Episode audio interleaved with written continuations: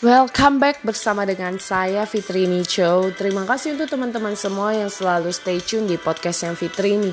Nah teman-teman seringkah di saat kita kadang lagi terpancing dengan keadaan apa sih yang kadang kita lakukan yang kadang mungkin gampang banget kita jadi emosi apalagi kadang kalau buat cewek tiba-tiba lagi berhalangan lagi mens gitu ya moodnya kadang nggak stabil nah teman-teman kadang saya juga mengalami hal yang sama. Bukan berarti saya manusia yang sempurna ya namun yang saya berpikir bahwa kadang sebenarnya pikiran kita itulah yang uh, bisa kita kontrol gitu loh. Bukan soal bilang oh karena lingkungan karena kondisi saya jadi begini. Justru kita bisa belajar terapi diri.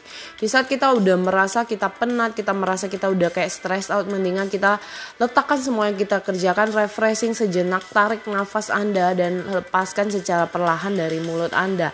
Dan tariklah masuk ke hidung kemudian lepaskan dari mulut Secara perlahan Anda lakukan untuk membuat pikiran Anda tenang, membuat pikiran Anda jernih untuk kembali lagi bisa melakukan aktivitas Anda. Kadang teman-teman selalu seringnya kita emosi itu membuat mengganggu mental kita, mengganggu kesehatan kita yang kadang kita tidak sadari. Sebenarnya teman-teman simple ya buat namanya terapi diri. Ini juga yang saya belajar dari para mentor saya bahwa segala sesuatu kita bisa lihat balik lagi. Kadang juga kita punya pikiran yang gampang langsung negatif. Kayaknya hari ini saya nggak bisa closing, nggak ada jualan. Kayaknya hari ini uh, kok jualan saya nggak laris. Kayaknya hari ini saya nggak bisa deh capai target dan sebagainya. Teman-teman itu semua ucapan adalah doa. Balik lagi adalah doa yang positif, doa yang baik. Karena itulah yang sering kadang kita lakukan ya, karena perkataan mulut kita sehingga bisa membuat mara bahaya musibah buat diri kita dan juga buat orang lain.